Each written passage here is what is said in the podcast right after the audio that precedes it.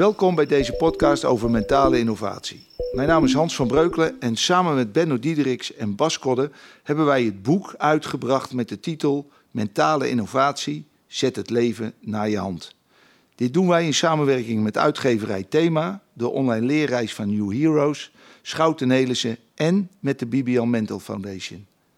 In de aanloop naar de lancering van ons boek zullen wij als warming-up met mensen in gesprek gaan die ondanks hevige teleurstellingen en bijzondere gebeurtenissen in hun leven toch de regie hebben weten te houden, met vallen en opstaan.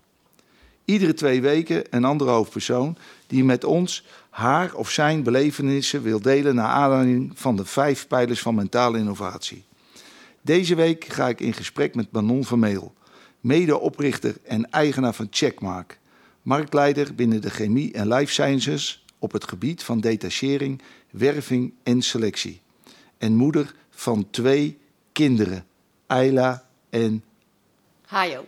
Hajo. Welkom Manon en fijn dat je aan deze podcast wil meewerken. Vorige maand het 25-jarige jubileum van Checkmark gevierd in coronatijd. Hoe heb je er toch nog een feest van kunnen maken voor jou en je medewerkers? En relaties. Ja, nou dat hebben we op een hele bijzondere manier gedaan. En eerlijkheidshalve gebied mij te vertellen dat de officiële 25-jarige uh, jubileum eigenlijk pas 1 oktober is. Maar vorig jaar zijn we verhuisd naar een nieuw kantoor. Nou, leuke opening opgezet, dus natuurlijk helemaal in het water gevallen door corona. Uh, ik had zoiets van, we gaan het nu niet weer uitstellen, want dan missen we weer een feestje. Dus we moeten wel gewoon de feestjes pakken wanneer het kan. Nu weten we wat de regels zijn, dus ik had zoiets van, nou, we trekken het naar voren in plaats van uitstellen, uitstellen, uitstellen. En uh, Cora kwam, mijn collega kwam met een heel goed idee om iets met het theater te doen. En die hebben het natuurlijk ook hartstikke moeilijk in deze tijd. we hebben Guido Weijers bereid gevonden om zijn masterclass geluk te geven. Daardoor konden we via een livestream vanuit de Schouwburg gewoon ja, alle relaties uitnodigen die erbij willen zijn. En ja, dat is gewoon een heel leuk feest geworden. En een bijkomend voordeel is, is als je het live viert, dan zit je toch met je locatie en met je catering, zit je ja, aan bijvoorbeeld een max van 200 man. En dit gaf ons ook de ruimte om ook heel veel kandidaten die bij ons ingeschreven staan, mensen waar je zijdelings contact mee hebt. Dus ook uit te nodigen. Dus al met al hebben zo'n 450 man in de livestream gezeten. En dus ja, dat vind ik dan wel weer een plus. Ik moet zeggen, ik was ook een van de gelukkigen die uh, ja, de livestream heb mogen ervaren. En het thema geluk, dat was prachtig. Ja. Ik ken jou ondertussen al uh, iets van 12 jaar. En wat mij altijd opvalt, dat is je enorme bevlogenheid. Dat was ook met, uh, ja, met dat jubileum. Hoe je daar op het podium stond samen met Cora om toch uh, de, de mensen toe te spreken, jouw medewerkers, jouw relaties. En wat, wat, wat betekent bevlogenheid voor jou? Bevlogenheid, ja. ja, vooral doen wat je, wat je leuk vindt. Um, ik heb ook, ja, dat zei ik net hier voor de podcast, ik heb, ik heb nooit het gevoel dat ik moet werken. En uh, als je weet wat je leuk vindt en je gaat daarmee verder, dan heb je ook nooit het gevoel dat je een dag moet werken. En dat probeer ik ook altijd al aan mijn collega's te geven. Van joh, de sky is the limit hier. Zoek binnen het werkveld waar je zit welke dingen je leuk vindt. En ik vind feestjes organiseren, dat soort uh, ja, dingen geven aan de mensen. Uh... Maar wat, wat maak jij nou daadwerkelijk echt vanuit jouw intrinsieke motivatie zelf zo bevlogen? Ja ik, ja, ik heb denk ik altijd wel een beetje het bruistabletgehalte in me gehad. dat, uh, uh, wat dat betreft. Uh, ja, de energie om iets te doen, om andere mensen ook blij te maken, om ja, succes ook te delen en leuke dingen te doen. Ja, dat zit vanaf kinds af aan al in me. Ik weet dat ik, ik was twaalf en, en ik, ik wist gewoon, ik wil later een eigen bedrijf. Ik heb helemaal hoe ik in die laboratoriumwereld gerold ben, is, iets heel, is een heel ander verhaal. Maar ik had altijd zoiets, maakt niet uit wat ik ga doen, maar ik wil die vrijheid, ik wil uh, zelf keuzes maken. Uh, ja, dat is iets wat mij energie geeft, de vrijheid. Ik ben ook altijd in het, in het ondernemerschap gestapt vanwege de vrijheid en nooit vanwege het geld. En ik heb ook wel wat jonge ondernemers geholpen met de opstart van het bedrijf. En ja, als je het wil doen voor het geld, stop er dan mee. Word dan geen ondernemer. Dan moet je, dan moet je echt doen voor de vrijheid en voor de lol. Maar als je dat doorzet naar de werving en selectie van uh, kandidaten die jij detacheert, wat betekent dan bevlogenheid in die zin voor de selectie die jij maakt van de mensen? Ja, eerlijkheid gebiedt mij om te zeggen dat ik zelf niet de, de, selectie doe. Daar heb ik natuurlijk hele knappe koppen voor. Ik bedoel, ik heb ook geen achtergrond in chemie en life science. Ik heb een achtergrond in kwaliteitsmanagement. Um, wat ik wel heel belangrijk vind, is dat er, dat er gekeken wordt naar, uh, naar niet alleen de technische, van joh, wat, wat, wat, hè, wat zijn de eisen um, om 100% zo'n profiel in te vullen. Um, maar wat is er ook meer? Ja, je ziet soms dat mensen dan zeggen, ja, het moet, het moet al deze vakjes aftikken. En als dan iemand maar 70% voldoet aan het profiel, dan klopt het niet. En dan is het ook onze taak om uit te leggen van, ja, maar die andere 30%, die is niet nul. Die is anders. En dat maakt het vak ook zo leuk. En op het moment dat je klanten daar vertrouwen in krijgen, dan, uh, ja, dan kun je gewoon veel meer betekenen voor mensen. Want ja, het gaat niet om lijstjes aftikken. En ook ondernemers die mensen aan willen nemen die op zichzelf lijken. Dan denk ik, nee, als iemand het doet in de filosofie 60, 70 procent zoals jij het wil. En dat andere is geen nul, dat is anders. En dat moet je leren waarderen. Wat is het mooiste dat jij in je leven kan bereiken? Ja, nou ja, dat, dat mijn kinderen en mijn collega's, dat, dat zit allebei heel dicht bij me. Uh, Checkmark is uh, wat dat betreft ook echt mijn familie. Um, ja, dat die echt durven, dat die mensen durven vertrouwen op hun gevoel en vanuit hun buik dan ook de beslissingen maken. En ga dan maar dingen doen. En uh, fouten maken is niet erg. Je kunt beter dan gewoon fouten maken en denken van, nou, ik hoef er geen spijt van te hebben. Ik probeer het opnieuw. Maar er dan wel weer onbevangen in staan om wel weer verder te durven. En uh, dat probeer ik zelf te doen. Maar ik vind het ook altijd leuk als ik dan mensen dat gevoel en het vertrouwen kan geven, dat ze dat dan ook durven. Je geeft dus eigenlijk ruimte. Ja, ja, dat is wel, want dat probeer ik mezelf ook te geven. Van ga maar gewoon dingen doen, want je krijgt ook geen spijt van dingen die je doet, dingen die je niet doet. En uh, zoals Sven, mijn collega, altijd zegt: van ja, het doel moet helder zijn, maar de reis moet vooral leuk zijn. En, en dat, is, ja, dat is een wijsheid van hem die ik ook altijd wel, wel bij me draag. Het gaat meer om het proces dan uiteindelijk het doel? Ja, ja, dat vind ik wel. Het moet iedere dag leuk zijn en dan, dan komen vanzelf die goede dingen op je pad. En dan die dingen die misgaan, uh, ja, dat is heel vervelend. En daar kun je soms wel eens rouwig om zijn. En ik heb ook wel eens de verkeerde mensen vertrouwd of verkeerde keuzes gemaakt. Maar als je dan per saldo kijkt wat het wel heeft opgeleverd, dat is dan zoveel meer dat die fouten, ja, die vallen weg. Dat is gerommel in de marge. Toch? Ja, dat, dat, dat, ja, dat vind ik het meest stoer, hè? Het meest dappere dat je in je leven hebt gedaan. Uh, ja, er zijn wel meer stoere dingen die ik heb gedaan. Uh, maar ja, ik ben heel jong begonnen als, als ondernemer. Hoe oud was je toen? Ik was toen 23. En uh, ik rolde qua afstuderen rolde ik in een paar opdrachten. En ik had zoiets van, ja, hoe ga ik dit nu doen? Want ik ben met mijn afstuderen klaar. En uh, toen zei mijn allereerste klant, overigens nog iemand waar ik steeds contact mee heb, dat is echt heel leuk. Hij zei, nou, dan ga je naar de Kamer van Koophandel. Dus ik heb ook echt heel stoer mijn fiets gepakt naar de Kamer van Koophandel en daar gezegd van, ja, ik ben ondernemer. En die man die zat me echt aan te kijken, wat ga je doen? Ik zeg, ja, ik, ga, ik ben ondernemer, weet je. dus ik ga dat gewoon doen. Daar ben ik nooit meer, uh, nooit meer uitgestapt. En uh, ja, in de telecom begonnen. En daar een vliegende start, start gemaakt. En ja, dan ging het al vrij veel om, om, om, grote, om een grote omzet. En ja, ook wel foute mensen tegengekomen die je dan manipuleren. En daar dan ja, ook gewoon keihard nee tegen zeggen, rug omdraaien. En, en investeren in klanten die, ja, die energie waarderen, die oprechtheid waarderen, die kwetsbaarheid waarderen. En, en ook leuke dingen dan willen ondernemen samen. Het, het, het, mooie is dat bevlogenheid is natuurlijk een van de belangrijkste pijlers binnen mentale innovatie. En ik hoor jou zeggen vrijheid, ik, ruimte, ik hoor jou zeggen plezier. Uh, het, het, is mooi om, om samen met mensen bezig te zijn. Maar de tweede pijler is, is doorzettingsvermogen.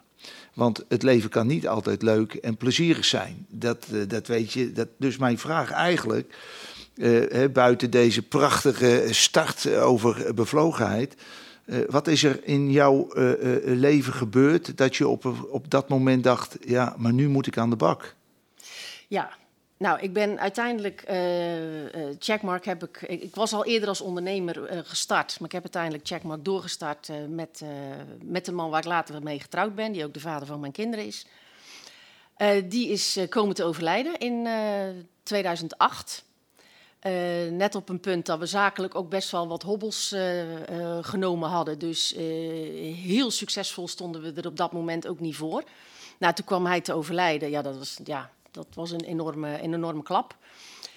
Uh, ik had toen zelfs ook nog een paar aandeelhouders in de, in de zaak zitten. Uh, die hun kans zagen van nou, wij verkopen checkmark en we gaan dit, uh, we gaan dit cashen, we gaan dit ten gelde maken. Nou, dat is iets wat absoluut niet op mijn, mijn netvlies stond. Ik had zoiets als ik dan mijn man, mijn zakenpartner en de vader van mijn kinderen verlies en ook nog mijn bedrijf kwijtraak, ja, dan, dan, dan kun je me bij elkaar vegen. En uh, die hebben mij het leven heel zuur gemaakt. Maar ik had wel zoiets van: dit is mijn bedrijf en ik ga hiervoor. En uh, gelukkig uh, dat Sven, mijn collega, daar ook achter stond. En die het commitment naar elkaar uitgesproken hebben: van ja, we gaan hiervoor. Ik heb wel een, een pittig gevecht gehad met die aandeelhouders.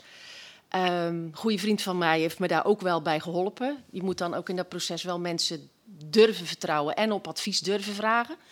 Dat heb ik gedaan. Heb ik een paar jaar flink gas gegeven uh, zakelijk.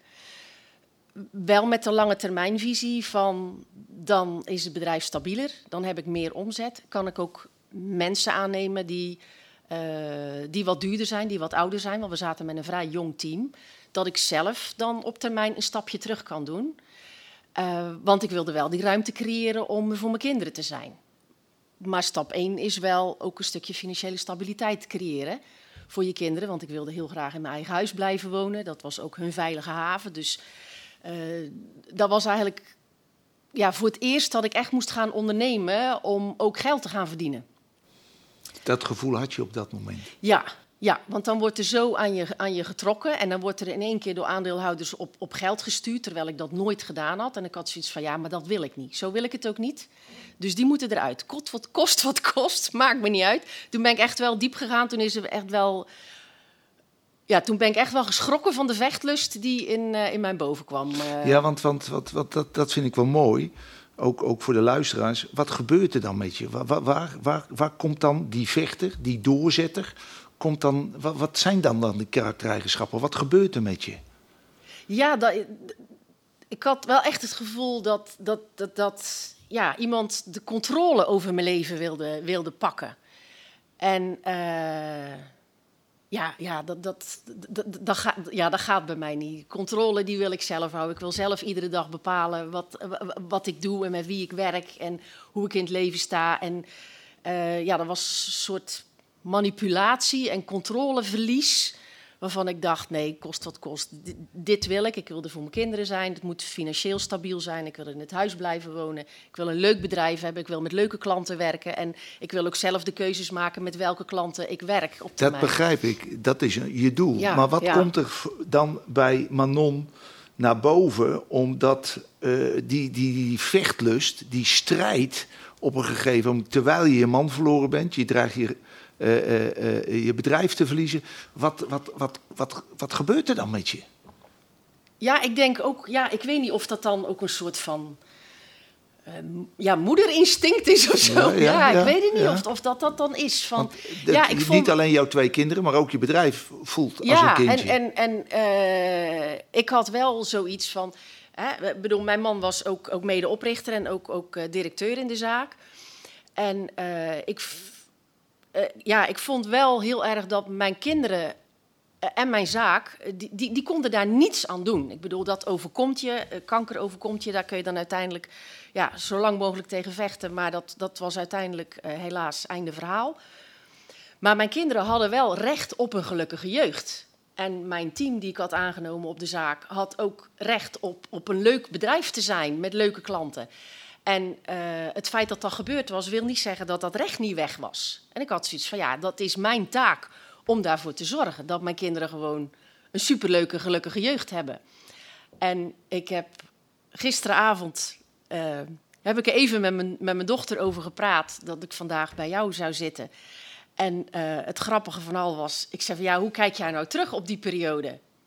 Ja, zegt ze heel droog Ja, dat heb je toch prima gedaan, mam, want wij hebben nergens last van gehad. En toen dacht ik, dat klinkt ook wel een beetje, wij hebben nergens last van gehad. Maar ik lag daar vannacht aan te denken. Ik denk, ja, dat is wel precies wat ik op dat moment probeerde te doen.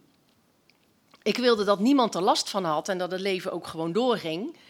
En uh, ja, iedereen probeerde beschermen om, om, om dat stukje trauma zo klein mogelijk te houden. En daar ben ik wel heel veel mee bezig geweest. Ik weet nog wel de, de, de avond voordat Ger overleed, dat ik nog met een kinderpsycholoog aan de lijn zat van... moet ik ze nu vannacht wakker maken of moet ik het morgen pas vertellen? Wat, wat is de beste manier om het zo goed mogelijk voor die kinderen te doen? Dus ja, dat is dan misschien toch wel. je, hebt, uh, wat je al vertelt, je hebt heel veel uh, gebeurtenissen in je leven meegemaakt, zowel positieve als negatieve. Maar juist vanuit die negatieve uh, gebeurtenissen, welke heb je daar voor jezelf een aantal positieve eigenschappen door ontwikkeld? Of zat dat gewoon al in je? Um, ja. En welke positieve eigenschappen zijn dat dan? Ja, dat ik nog meer op mijn gevoel durf te vertrouwen. Dat deed ik vroeger altijd wel al. En uh, daar moet je heel erg voor waken dat je dat niet kwijtraakt. Um, dat is iets wat ik nog wel sterker op, uh, op vertrouw. Um, en mensen ja, ruimte geven en, en uh, ook wel echt vertrouwen geven en, en dingen loslaten. Van eh, het komt, het komt echt goed. En het komt ook echt goed. Zijn dat ook de aspecten uh, waar andere mensen jou krachtig doorvinden? Of zijn er andere zaken? De, hoe kijken mensen, laat ik het zo zeggen, wat vinden anderen krachtig aan jou, denk je?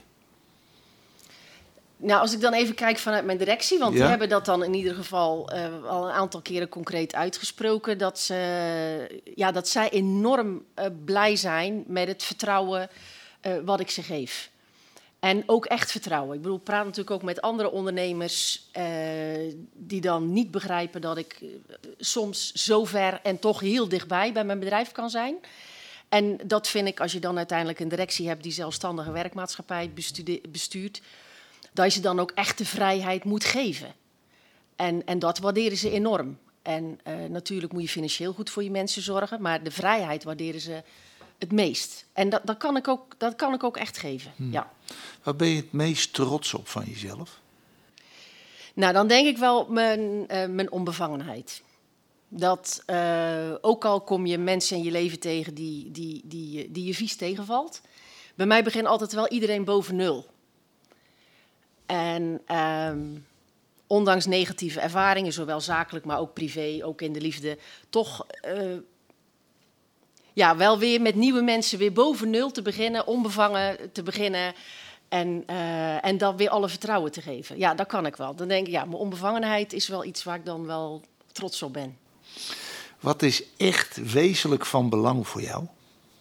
Ja, balans en, en een stukje harmonie ik kan soms wel pieken, dalen. Dat denk, oh ja, ik moet ook altijd wel goed in beweging blijven en, en, en wel goed mijn rust nemen. Ja. Dat, dat, dat, dat, dat vind ik wel moeilijk. Terwijl jij iemand bent, zo lijkt het als ik jou ooit ontmoet, je bent altijd voor mijn gevoel in beweging.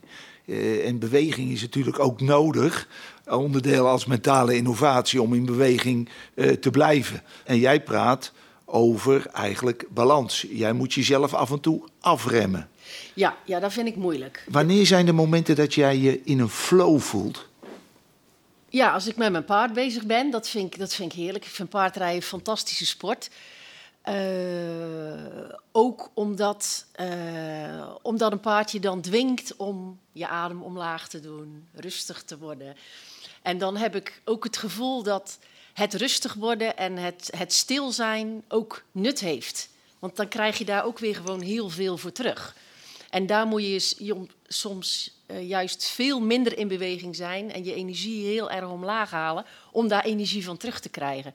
En dat, uh, ja, dat helpt mij enorm. Ik zeg ook altijd, als je een paard hebt, heb je geen psycholoog nodig, want die laat je precies zien van, uh, van hoe mijn moment op dat moment is. En als ik dan bij haar kom en ze reageert kattig, dan moet ik eerst naar mezelf kijken van hoe blijkbaar straal ik dus iets uit. Of zit ik te hoog in mijn energie en moet ik dus even een paar stapjes terug. Daar kan ik echt helemaal. Jouw paard geeft je eigenlijk direct een feedback over hoe jij in elkaar zit. Is dat. Uh... En dat is, dat is heel confronterend soms. En. Uh, maar dat is waanzinnig als je het durft te zien. En er zijn ook wel eens tijden geweest dat ik het minder durfde zien hoor. En dan krijg je daar ook wel weer een klap van. Maar dat, als je dat durft, en ook met het rijden als dingen niet gaan, het ligt altijd aan de ruiter. En ga maar gewoon terug naar jezelf en denk, waarom gaat dat nou niet? En dan, dan kom je, ja, ik zit gewoon te mutsen of ik zit, ik zit met andere dingen bezig en ik, ik geef verkeerde signalen. Dus je krijgt verkeerde communicatie terug. En ja, dat is bij een paard één op één. Die reageren gewoon in het nu. Ik vind het wel leuk, hè? want je gebruikt je paard om te zeggen van ja, die, dat, die, die functioneert als een soort van spiegel voor mijzelf. Ja, absoluut. Uh, je bent onderneemster. Uh, hoe verruim je al die jaren, hè? hoe verruim je jouw grenzen en verruim je jouw speelveld? Daar heb ik eigenlijk het meeste effectiviteit van gehad. Um, ja, eigenlijk door een pittige blessure, waardoor ik niet meer kon bewegen. En uh, ik kan mezelf altijd nog wel letterlijk voorbij galopperen. En toen werd ik, ik denk dat is nu zes jaar geleden, werd gelanceerd van een paard. Nou, niet gevallen, maar echt gelanceerd. Toen ben ik heel, heel hard gevallen. En ik neem mentaal altijd hele grote stappen in mijn hoofd. En dat dacht ik met mijn revalidatie ook even te doen. dus ik zat in mijn hoofd alweer op mijn paard. Ik was alweer aan het lopen en aan het doen. En toen kon ik ook echt van op de ene op de andere dag gewoon niet meer lopen, omdat ik mijn revalidatie in te grote stappen had gezet en mijn lichaam gewoon zei van ja, uh, maar dit gaat niet. En op het moment dat dan je linkerbeen zegt van ik stop ermee, ja, dat is wel heel confronterend, want dan kun je letterlijk niet meer bewegen. Um, dat was wel heel pittig voor me.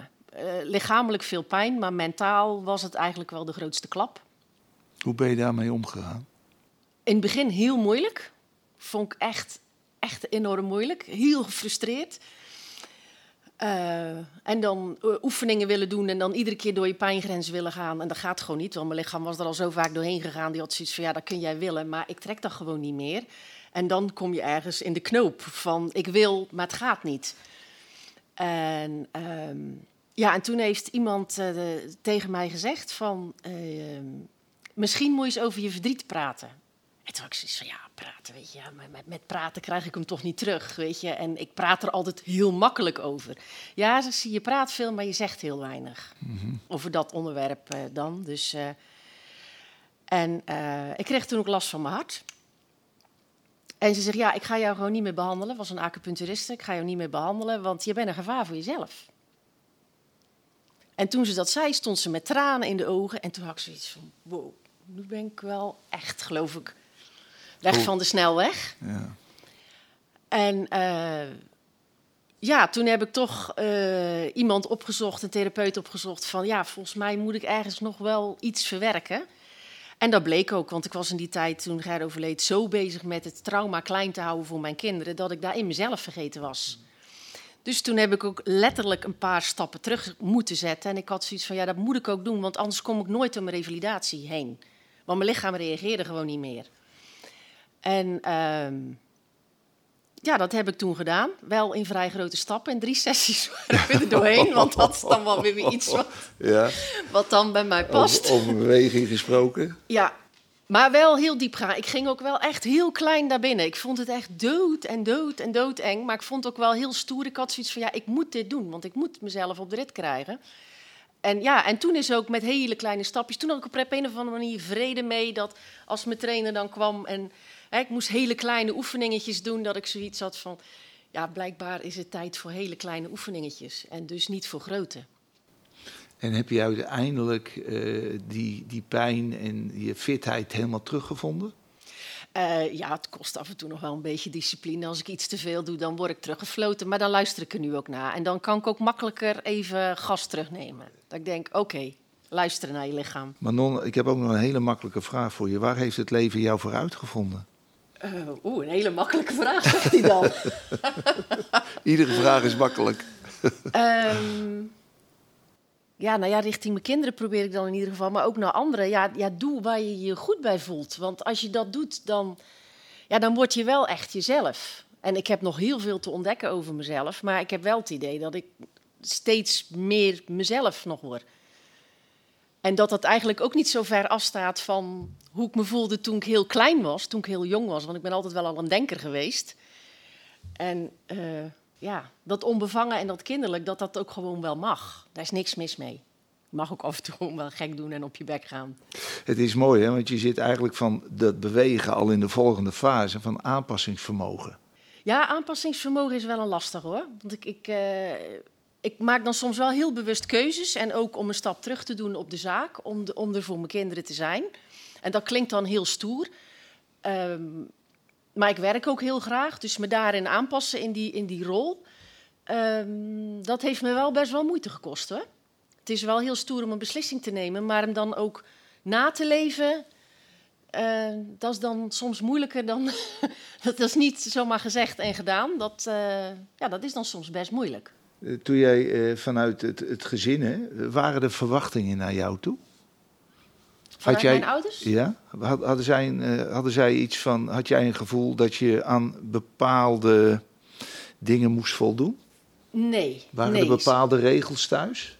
Ja, ik kom uit een middenstandsgezin, dus ja, klanten belangrijk. Hè? Ik bedoel, de zaak is belangrijk.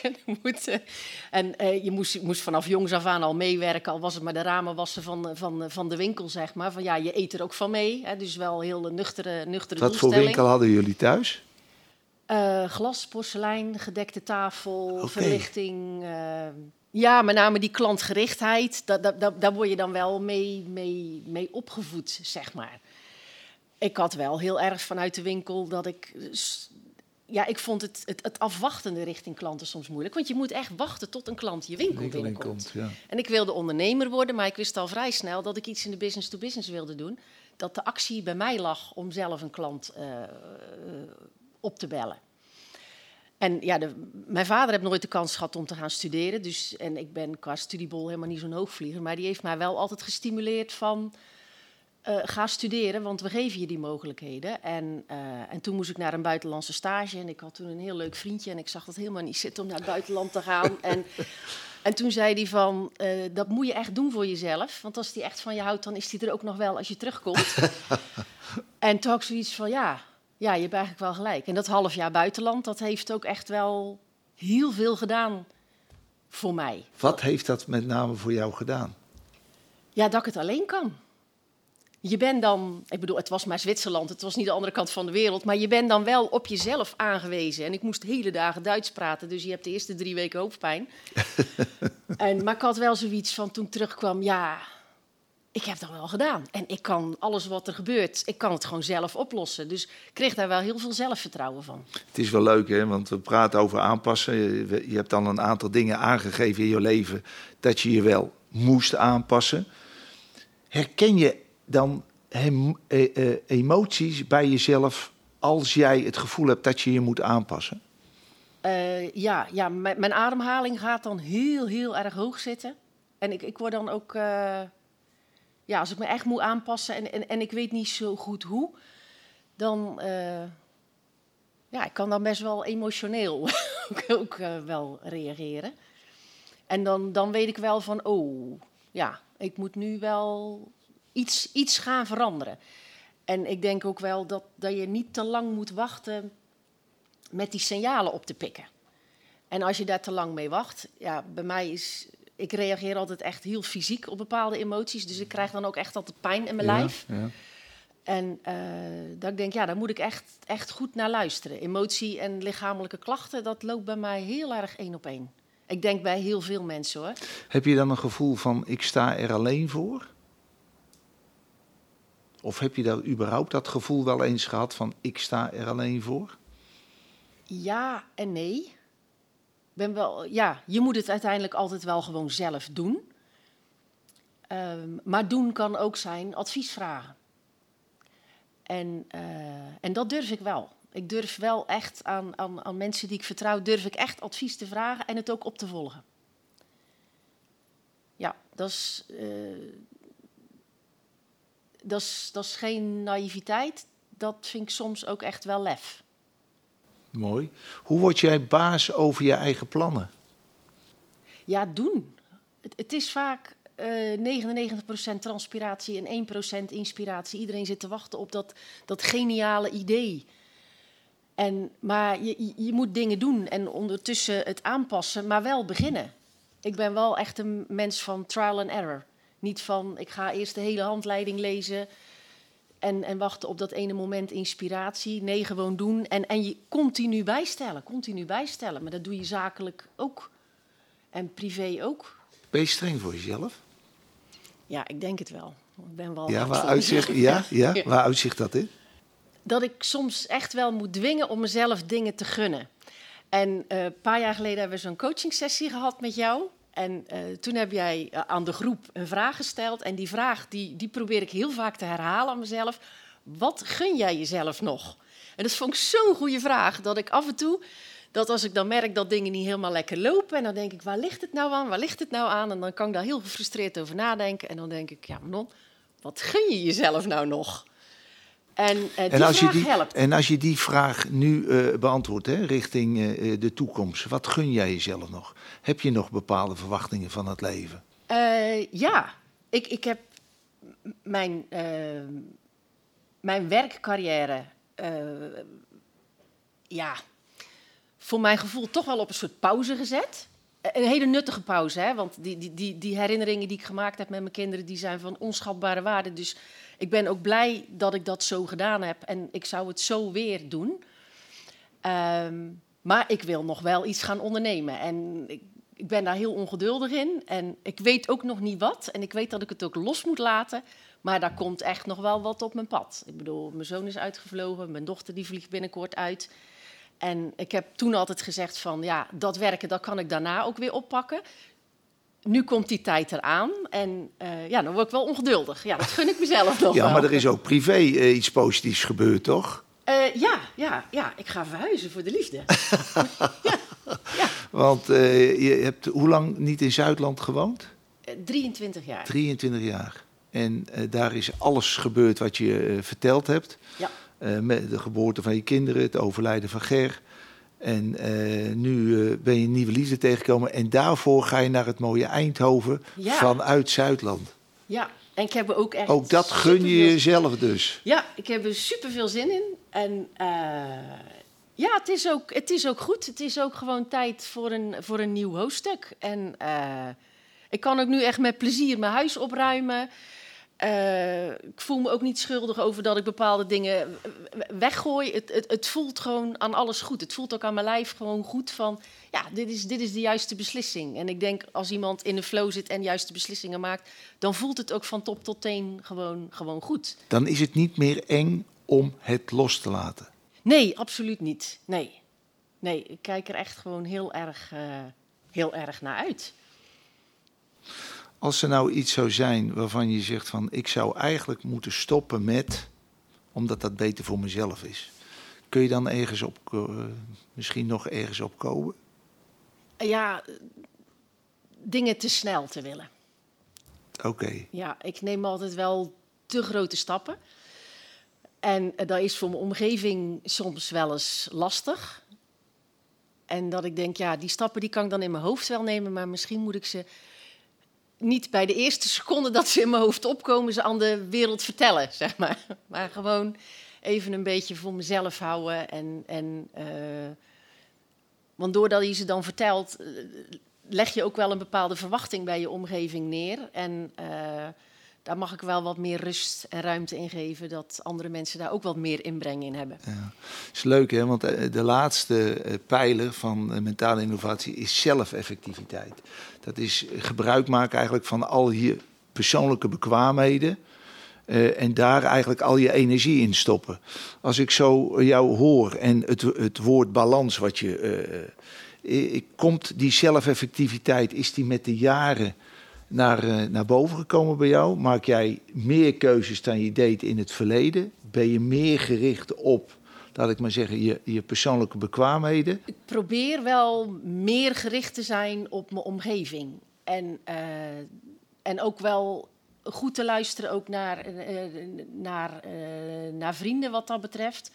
En Sven, mijn collega-directeur, die, die gaf dat wel zo treffend aan van... ja, soms loop jij zo ver voor de fanfare uit... dat ik er heel veel werk aan heb om de rest te managen. Dus het is soms wel eens makkelijker als je niet op kantoor bent dan er wel. En dat was in een turbulente tijd dat ik denk, oeh, zo, het komt wel even binnen, zeg maar. En we zijn nu jaren verder en dan denk ik, ja, ik snap hem nu. Maar dat heeft even geduurd. Mooi. Manon, ik wil jou ongelooflijk bedanken voor jouw verhaal. Waarin uh, de vijf pijlers van mentale innovatie uh, te sprake zijn gekomen. Uh, niet alleen de bevlogenheid, doorzettingsvermogen en beweging komen, waarin urgentie vaak een, een, de reden is om in beweging te komen. Maar ik heb het gevoel dat jij die urgentie bijna altijd wel hebt. Aanpassingsvermogen hebben we het over gehad en zelfeffectiviteit. ik wil je nogmaals bedanken. En ik hoop van harte dat het jou als luisteraar ook geïnspireerd heeft. Blijf gezond, geniet van het leven en graag tot de volgende keer. Ben je door de podcast geïnspireerd of geïnteresseerd en wil je er meer over leren? Ga dan naar www.newheroes.com en volg de online training Mentale Innovatie.